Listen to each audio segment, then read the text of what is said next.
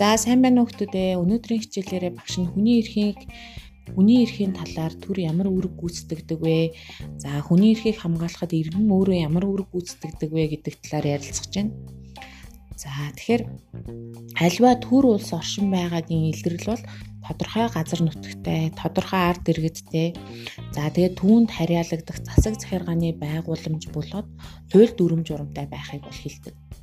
За тэгээд иргэд бол одоо шууд болон төлөөллийн байгууллагуудаараа дамжуулан төрийн албан хаагч болон төрийн удирдах хүмүүсийг сонгодог. Тэ?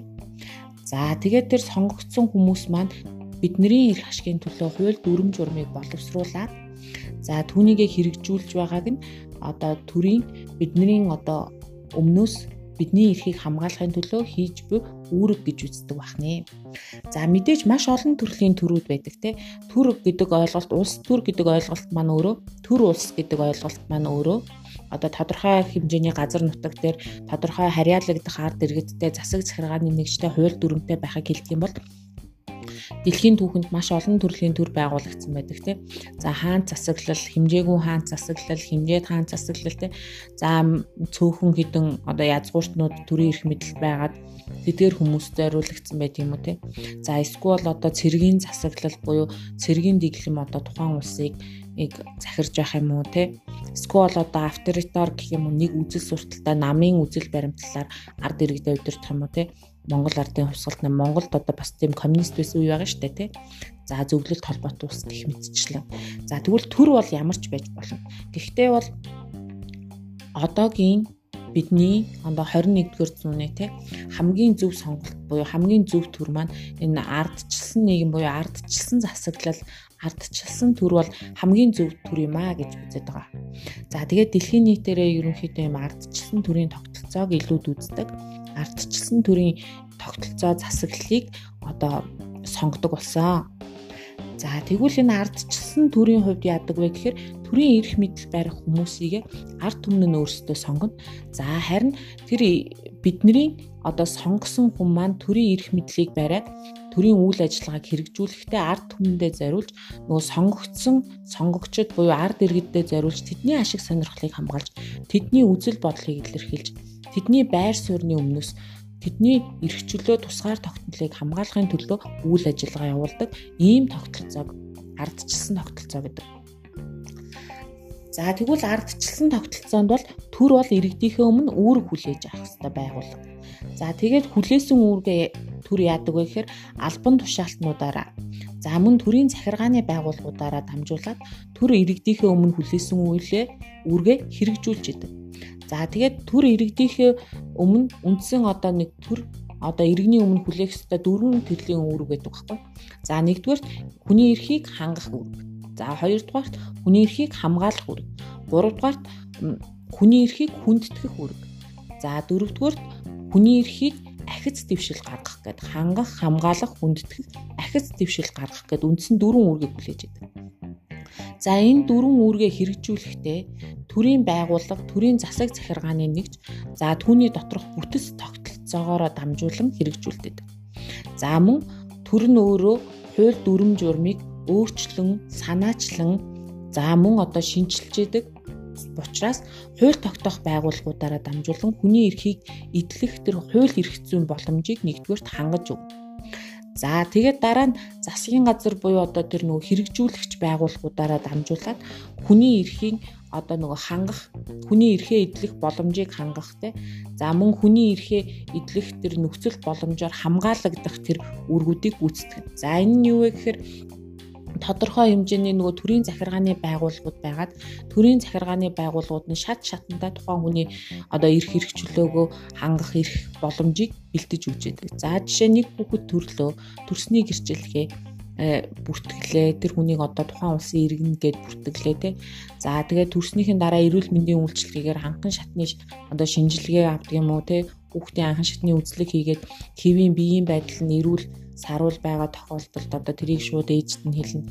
Эсвэл ямар нэгэн тодорхой хэмжээнд одоо өвдөж байгаа тохиолдолд эрүүл мэндийн үйлчилгээг авах төр нөхцөл боломжуудыг нь бий болгож өгч байгаа энэ төрийн доторх энэ бүтэл тогтолцоо буюу засаг захиргааны нэгж за тэгээ төрийн үйлчилгээний байгууллагуудаараа дамжаад тухайн хүний эрхээ эдлэх боломжийг хангаж өгдөг. За тэгээд төрийн бусдын төрийн одоо ард иргэнийхээ эрхээ эдлэхийн төрийн өмнө хүлээж байгаа үүрэг нь хангах хамгаалах үүрэг нь болж байна. Хэрвээ одоо тухайн улсын иргэн нь тухайн улсын газар нутаг дээр амьдарч явах хугацаанд ямар нэгэн байдлаар эрхэн зөрчигдсөн бол тэр зөрчигдсөн эрхээ хамгаалахад төрийн байгууллагууд буюу албан тушаалтнууд, хууль тогтоомжууд, за мөн төрийн захиргааны байгууллагын албан шат шатны албан тушаалтнууд тэр өргөдөл гомдол хүсэлт гаргаж болно. За тэгээ хүсэлт өргөдөл гомдлороо шийдүүлээд эрхээ эдлэх боломжоор хангагдана. За хэрвээ өөр хин нэгэн хүн бусдын эрхийг зөрчөөд ивэл тэр эрхээ хамгаалахын тулд тэр хүнийг бас одоо ямар чиглэлийн иргэний юм уу эрүүгийн хэргийн ч юм уу гэмт хэрэг үлдээд тэр хүний эрхийг зөрчөөд байгаа бол тэр хүмүүсийг гомдол гаргаж одоо мэдээлснээрээ тухайн хүн хүний эрхээ хамгаалуулж идэг байна. Одоо хууль тогтоомж бөгөөд хуулийн байгууллагаар дамжуулна тийм. За тэгээд за ахиц дэвшил гаргах, хангах, хамгаалах, хүндэтгэх. За хүндэтгэх гэдэг нь яг юу вэ гэхээр төр бусдын одоо нөгөө чөлөөтэй сонголт бөгөөд иргэнийхээ эрхийг хүндэтгэн хүлээн зөвшөөрөх ёстой. Тухайн хүн одоо ямар сургууль сонгох юм, эсвэл үзэл бодлоо илэрхийлэх юм уу, байр сууриа илэрхийлэх юм уу, мэрэгчлээ сонгох юм уу, эсвэл шашин шүтлгээс сонгох юм уу. Тэр бүх юмд нь төр хүлээстэй хандах, тэр хүндэтгэх хүмүүс хоорондын юм бие биенийхээ эрхийг зөрчсөн зөрчил гарахгүй байх тэр нөхцөлийг бүрдүүлж хуульчлан өгснөөрөө бүх хүн эрхээ эдлэх боломжийг хүндэтгэх бий болгож байдаг. За тэр нь юу вэ гэхээр Монгол улсын хуулинд одоо хүний эрх эрх чөлөөг хангах үйс одоо эдийн засаг нийгэм хууль зүйн орчныг бий болгоно гэх тээ. За тэгээ хүний эрхэм зэргийг хүндэтгэн хүн Монгол улсын иргэд одоо арьс өнгө шашин шүтлэг нас хүсний ямар нэгэн тийм ялгуурлан гадуурхалтгүйгээр бүгд одоо тэгш эрхтэйгээр оршин байна гэх мэтчлэн энэ залтууд маань хүний эрхээ эдлэх боломжийг бусдын эрхийг хүндлэх тэр боломжийг бий болгон хуульчлан өгсөн тэр заалтууд юм аа. Ингэснээрээ төр яаж ийн гэхээр ард иргэдийнхээ эрхийг хүндэлж байна. За магадгүй тухайн улсад одоо маш цөөн тохиолдлоорч бай эсвэл маш бага тохиолдлоорч бай хүний эрхийн зөрчил гардаг байж болно те. За тэгэхээр нийгэмдэр бол бүх хүн бол одоо үргэлж одоо ингээд бүх хүн дүрм журмыг биелүүлдэг эсвэл бүх хүн сайн зүйл хийдэг бол байдаггүй нийгмийн үйл явцад өөрөө ингээд нөгөө гаж буруу эсвэл сонин эсвэл одоо эсэргүү эсвэл одоо үл нийцэх тийм хандлагатай хүмүүс бол угаасаа нийгэмдэр маш олон дунд байдаг учраас хүний эрхийн тодорхой зөрчлүүд тухайн нийгэмдэр гардаг байж болт. Тэгвэл тэр эрхийг зөрчил гараад байгаа тэр зөрчлүүдийг арилгаж хүний эрхийн одоо зөрчилгүй болгох тэр үйл явцад ахиц дэвшил гарган ажиллах нь бас өөрөө төрийн үүрэг. За энэ нь юу вэ гэхээр гимт хэргийг илрүүлэх, гимт хэргийг таслан зогсоох. За тэгээд гимт хэрэгээс урьдчилан сэргийлж байгаа маань хүний эрхийн энэ одоо ахиц дэвшил гаргах төрийн үүргээ биелүүлж байгаа үйл явц юм аа. За тэгвэл төр бол дараах дөрвөн үргийг биелүүлдэг байна. Тэг хангах, хамгаалах, хүндэтгэх, ахиц дэвшил гаргах. За тэгээд төр энэ иргэдийн өмнө хүлээсэн үүргээ яг яаж хэрэгжүүлдэг вэ гэхээр нэгдүгээр хууль тогтоомжоор үндсэн хууль болон бусад хуулиар. За тэгээд мөн захиргааны эрх бүхий байгууллагуудын шийдвэр буюу хуульчилсан актуудаараа дамжуулан хүний эрхийг хангах, хамгаалах, хүндэтгэх, ахис дэвшил гаргах үүргүүдээ хэрэгжүүлж байдаг. За тэгээд үүргээ хэрэгжүүлэхэд хэн тусалдаг вэ гэхээр төрийн албан хаагчид бөгөөд төрийн захиргааны байгууллага шат бүрийн албан тушаалтнууд тэрэнд одоо дэмжлэг туслалцаа үзүүлж үйлчилгээ үзүүлж байдаг. Төрийн үйлчилгээ гэсэн. За тэгээд тэдгээр хүмүүс яах вэ гэхээр тухайн тохиолдсон асуудал бүр дээр нь одоо өргөдөл гомдлыг хүлээн аван шийдвэрлэж өгнө.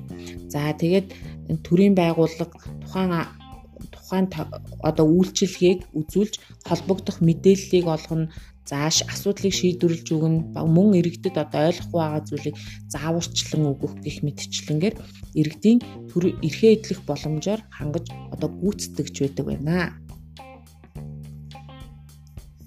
За Монгол улсын үндсэн хуульд бол хүний эрх эрхчлөөг баталгаажуулж өгсөн ба хэрэгжүүлэхэд тий хэрэгжүүлэхэд эдийн засаг, нийгэм, улс төр эрх зүйн баталгааг бий болгосон одоо юм төрийг одоо бие даасан байдлаар хангана гэж байна. За тэгэхээр юу вэ гэхээр тухайн засгийн газар, тухайн улсын хурал, тухайн удирдах байгаа төр маань иргэдэд үзүүлэх бүх төрлийн үйлчлэгийг үзүүлэхэд одоо өөрийн байдлаар бие даасан байх ёстой гэж байгаа хгүй. Тэгээд бие даан шийдвэр гаргаж ямар нэгэн нөлөөнд ордгоо тийм одоо төрийн тогтолцоог бий болгохыг хуулиараа Монгол улс баталгаажуулж өгсөн байдаг байна.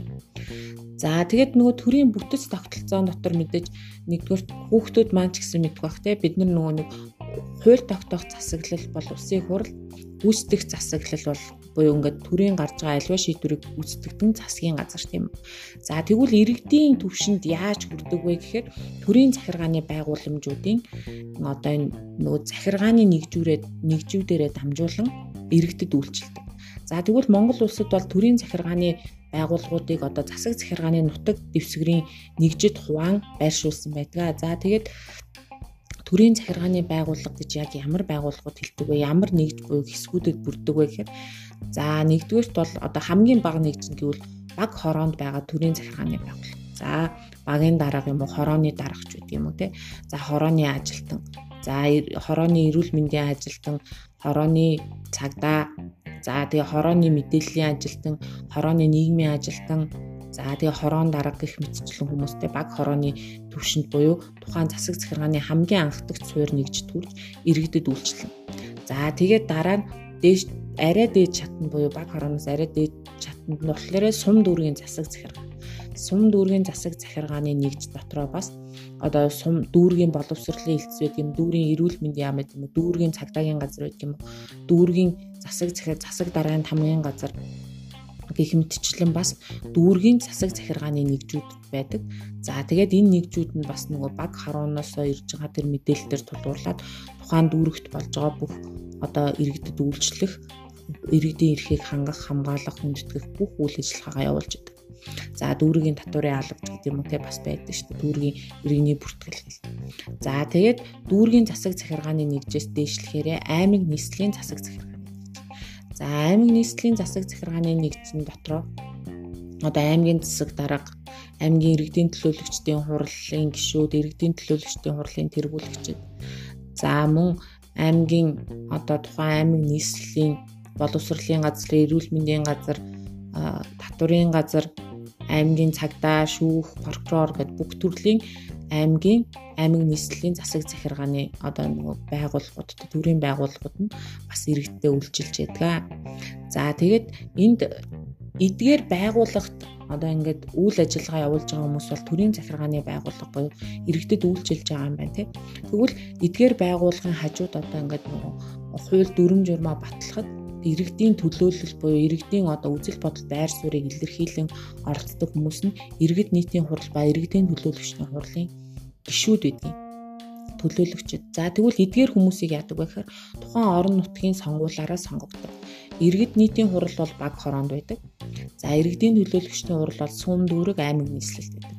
За ингээд иргэдийн төлөөлөгчдийн хурлын төлөөлөгчдийг яах вэ гэхээр 4 жилдээ нэг удаа яг л улсын хурлын сонгуул болдогтой адилхан тухайн орон нутгийн иргэд өөрсдөө санал өгөөд тэдгээр хүмүүсийн үзэл бодол байр суурийг сонсоод бидний өмнөөс төлөөлөн хурал дээр үг хэлж шийдвэр гаргаж орон нутгийн төвшөнд одоо хууль болон хуульч орон нутгийн төвшөнд хуульчилсан акт штэ тий хууль гарахгүй уучлаарай багш нь андуур айлчлаа орон нутгийн төвшөнд одоо хуульчилсан акт дүрм журм гаргаж захирамж гаргахад бидний байр суурь хилээсээ.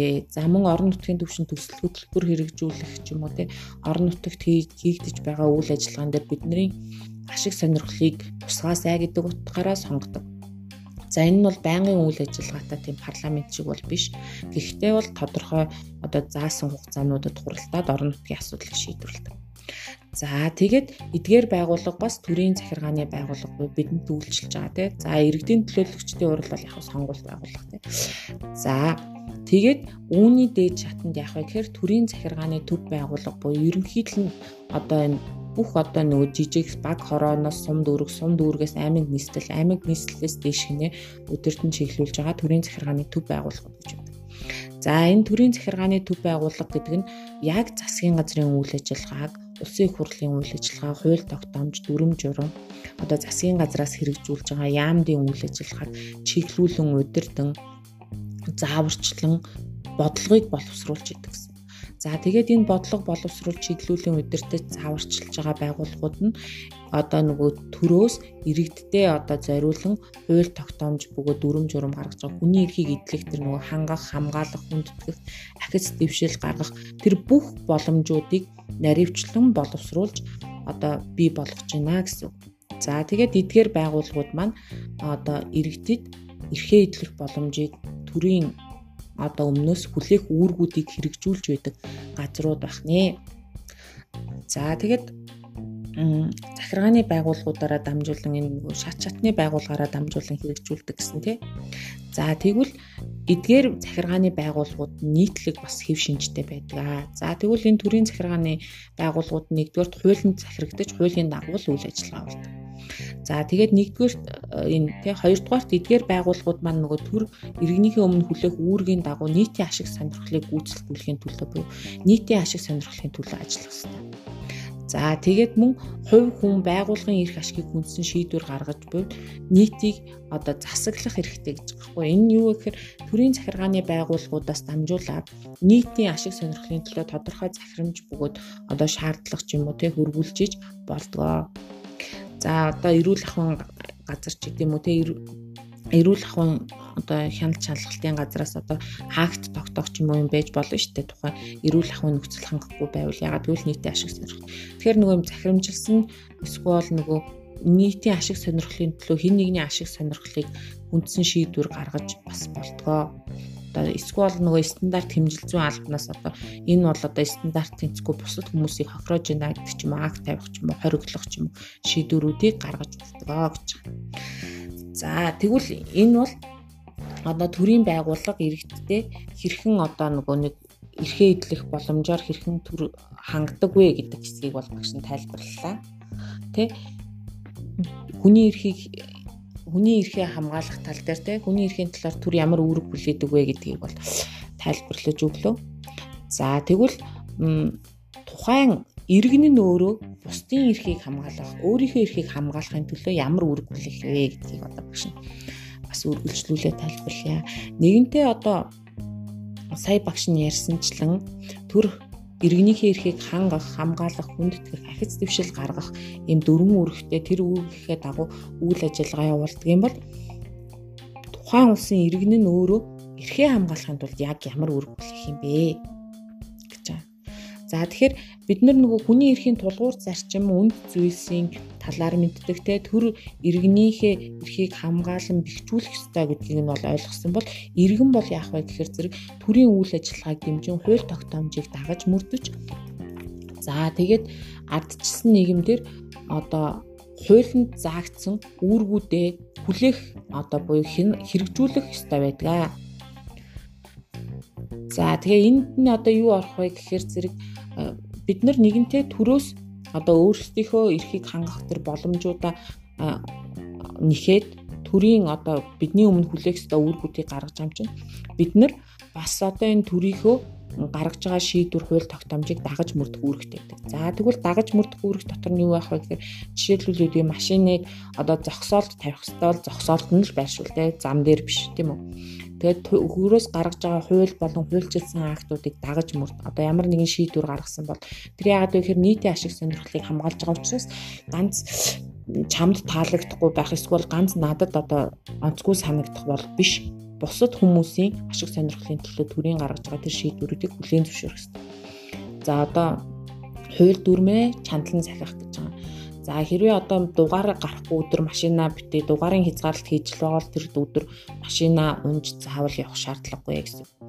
За хогоо зориултын хогийн савнд хаях хэрэгтэй тий гарцаар гарах хэрэгтэй гэх мэтчлэн одоо бидний өдөр тутмын амьдралдаа хөвшил болгосон нөгөө дүрм журм байдаг тий эдгээр дүрм журмууд маань бидний одоо бусдын эрхийг хүндлэн бас дээрэс нь төрийнхөө өмнө одоо хууль дүрм журм захирагдаж байгаа тэр хэлбэр юм аа. За мөн одоо хэрвээ тухайн улсын иргэн нь өөрөө одоо төрөөс хэрэгжүүлж байгаа тэр хууль хуульчилсан акт болоод дүрм журм хэм хэмжээг баримтлахгүй мөрдөхгүй байгаа тохиолдолд тухайн иргэнд бас арга хэмжээ авч болно. За тэр нь яадаг вэ гэхээр торгуул тавьж болно. За тэгээд дүрм журм мөрчөөд зөрчөөд одоо мөрдөхгүй байгаа тийм За тэгээд торгуул тавьж болно, акт тавьж болно. За тэгээд тухайн иргэнийг мөн одоо тухайн иргэнд одоо шүүхт гомдол гаргаад тухайн иргэнийг бас хэрэгт одоо татчих болно. Хэрвээ тухайн хүн өөрөө одоо төрийн өмнө үүрэг хүлээсэн үүргээ биелүүлэх байна. За тэгэхээр төрийн өмнө бидний хүлээсэн үүрэг дотор бол одоо бусдын эрх хэрэгжүүлэх хүндтгэх тий хуулийг сахиж мөрдөх За татвараа төлөх, хууль ёсны шийдвэр дүрм журмыг дагаж мөрдөх, байгаль орчныг хамгаалах, түүхийн соёл дурсгалыг хамгаалах зэрэг олон үүргүүдийг оруулж өгсөн байдаг тийм. За мөн зарим улс бол одоо төрийн сонгуульд оролцох цэргийн алба хаа хөдөлмөрийн болон эрүүл мэндийн байдлаа хамгаалах гэднийг хуульчлан үүрэг болгож өгдөг байна. За тэгээд энэ хуульчилсан үүргүүд үүрэг дотор одоо бол яг манад бол нөгөө зарим нь бол иргэний журамт үүрэг ба иргэний одоо юу үүрэг гэд ба иргэний журамт ба ямар үүрэг гэдэг лээ хоёр төрлийн үүрэг байдаг. За тэгээд тухайн үүргүүдээ иргэн өөрөө хүлээж хэрэгжүүлэх ёстой. За тэгээд иргэд бол яах вэ гэхээр зэрэг үндсэн хууль заасан төрийн байгууллагуудаар одоо ямар нэгэн байдлаар өөрсдөө хүсэлт гаргаж байгаа эсвэл төрийн байгууллагт хандж байгаа бол төрийн байгуулалт хэрхэн хандаж асуудлыг хэрхэн шийдвэрлэх яаж ирэхээ хамгаалуулах талаар иргэд өөрөө мэдлэгтэй байх ёстой. За хэрвээ бид нар одоо төрийн бидний эрх зөрчигдөөд хуулийн байгууллага бөгөөд одоо ямар нэгэн байдлаар хүний эрх зөрчигдөөд миний эрх зөрчигдөөд те хуулийн байгууллагт хандж байгаа бол ямар асуудлаар ямар байгууллагт ямар шугамар хандах ёстой вэ гэдгээ мэдэх ёстой. Тэгжээж энэ мэдэх эрх бөгөөд нөгөө талаасаа бид нар нөгөө төрийн байгууллагт хандах тэр нөгөө өргөдөл гаргах юм уу, гомдол гаргах юм уу, шийдвэр гаргах юм уу те хүсэлт гаргах гэж юм уу тэр маань тодорхой бөгөөд яг нөгөө дүрм журмын дагуу явагдах хэрэгтэй. Тэгхгүйгээр бид нар одоо би гар утсаа автобусанд тулгаад алдаад шүүхт шууд гомдол гаргаж болохгүй шүү дээ тий. Яагаад вэ гэхээр би эргээд эхлээд тэр утсыг маань хэн хулгайлсан бэ гэдэг хулгайчийг болохын тулд цагдаагийн байгууллага. Тэгэхээр төрийн ямар байгууллагууд ямар чиг үүргийн дагуу чамд одоо үйлчилгээ үзүүлж байгаа вэ гэдгийг мэддэг байх хэрэгтэй. Тэгээд тэдгээр мэддэг байгууллагатаа яг ямар шатны одоо ямар төвшөнд хүнд хандаж хэрхэн одоо арга хэмжээ авахулах вэ гэдэг мэдлэгээ бас хүний эрхийг хамгаалах мэдлэгийг одоо иргэд өөрсдөө одоо бий болгох хэрэгтэй байдаг. За жишээ нь бид нар цагдаагийн байгууллага дотор бол одоо эд зүйлээ хулгайд алдах, дээрэмдэх, гэмт хэргийг одоо гэмт үйлдвэрийг илрүүлэн таслан зогсоох одоо одоо өстой байдаг бол шүүх байгууллага бол одоо иргэдийн хоорондын маргаан эсвэл иргэн богоод аж ахуй нэгж хоорондын маргаан өмч хөрөнгөний маргаан ч гэдэг юм маш олон төр маргаантай их хоорондын маргаантай асуудлыг шийдвэрлэдэг ч байх юм уу тийм. За захиргааны иргэн шүүх бол одоо албан тушаалтан болоод иргэд хоорондын маргаан эсвэл ямар нэгэн зөрчлийг шийдвэрлэх үүрэгтэй байдаг ч гэдэм үү те. За хүний эрхийн үндэсний комисс бол хүний эрх зөрчигдсөн төрийн байгууллага эсвэл одоо хүний эрхийг өөр хэн нэгэн зөрчсөн бол тэр талаар гомдол хүсэлт гаргах ёстой гэд бүгд одоо өөр өөрийн чиглэлтэй байдаг. Тэгээ энэ чиглэлийн дагуу тухайн байгууллагуудад хүсэлт гаргах ёстой байдаг. За тэгээд төрийн бус байгууллагууд мөн одоо хүний эрхийг хамгаалах талаар үйл ажиллагаа явуулдаг. За энэ дотор яадаг вэ гэхээр зэрэг өөрсдөө сайн дураараа байгуулагдсан одоо иргэдийн одоо төрийн бус байгууллагууд үйлдвэрчний эвлэл ч юм уу те. За мөн одоо NGO-ууд байдаг байгаль орчныг хамгаалах эсвэл эмэгтэйчүүдийн эрхийг хамгаалах. За мөн одоо хүүхдийн эрхийг хамгаалах ч гэдэм үү тэдгээр байгууллагууд маань иргэдэд одоо энэ өөрийн эрхийн талаар мэдлэгтэй. За мөн төрийн байгууллагатай хэрхэн харилцах өргөдөл гомдол хүсэлттэй хэрхэн гаргаж хэрхэн харилцах вэ? За мөн эрхээ хамгаалахын тулд ямар шаардлагуудыг төрийн байгууллагуудад тавьж явах ёстой вэ? гэх мэтчлэн одоо мэдээлэл сургалт явуулдаг, заавар зөвлөгөө өгдөг тийм газрууд байдаг. За мөн одоо нөгөө нэг өмгөөлөгчдийн холбоо хэрвээ хэн нэгэн хүн одоо эрхэн зөрчигдөд шүүхийн байгууллагад хандсан бол өмгөөлөгчдийн холбоо ч гэдэм тухайн нэг чиглэлээр үйл ажиллагаа явуулдаг байгууллагууд байх юм бол үйлдвэрчний эвлэлч гэдэг юм уу те ажилчдын эрх ашигыг хамгаалдаг үйлдвэрчний эвлэлч юм уу хэрэглэгчдийн эрх ашигыг хамгаалах нийгэмлэгч гэх юм уу те тиймэрхүү байгууллагууд одоо ингээ ийм дүрм журамтай байгууллагууд байгуулад тэдгээр байгууллагууд нь бас тухайн хүмүүсийн ард иргэдийн эрхийг хамгаалахад одоо сайн дурын үндсэн дээрээс нэгдэж үйл ажиллагаагаа явуулж байдаг. За тэгэхээр төрийн зөвхөн төрийн байгууллага бидний эрхийг хамгаалах ёстой биш. Бид нар өөрсдөө төрийн байгууллагын үйл ажиллагаагаа явуулах тэр нөхцөл боломжлыг хангаж нэгдүгээр дүрм журмаар мэдэх ёстой байна. За мөн төрийн байгууллагатай хэрхэн харилцах ёстойгоо мэддэг байх ёстой байна тий. За мөн өөрсдөө холбоо тийм сайн дурын байгууллага, иргэний нийгмийн байгууллага тий төрийн бас байгууллага байгуулад өөрсдийн асуудлаа одоо ингээ албан ёсны түвшинд ярьж хэлж ингээ мэдэгдэж болдго юм байна. За ингээд өнөөдрийн хичээлийн маань агуулга үндсэндээ ингээд дуслаа. За тэгээд хүүхдүүд маань юу их вэ гэхээр 71-р хуудасны одоо энэ гэртээ гэрээ гэдэг нэг тасгал байна. Би даа чигээрээ гэртээ гэрээ гэдэг. За би даа чигээрээ хоёр асуулт, гэртээ гэрээ гурван асуулт байна. Нийтдээ 5. За тэгээд тэрийг хариулна. За тэгээд нөгөө төрийн захиргааны байгууллага одоо 6 4 төвшинтэй тий төрийн захиргааны байгууллагын 4 төвшин яг юу байдаг вэ гэдгийг одоо ямар төвшөнд яаж иргэдэд хүрдэг вэ гэдгийг тэр 68 дугаар хуудасны үснэгт бүдүүрч байна. За тэрийг тэмдэглэж авна. За тэгээд энэ нэг цэгийн үйлчилгээ буюу 69 дугаар хуудсан дээр одоо нэг цэгийн үйлчилгээгээр иргэдэд одоо төрийн үйлчилгээ яаж хүртдэг вэ гэдгийг бас зураглаж авъя.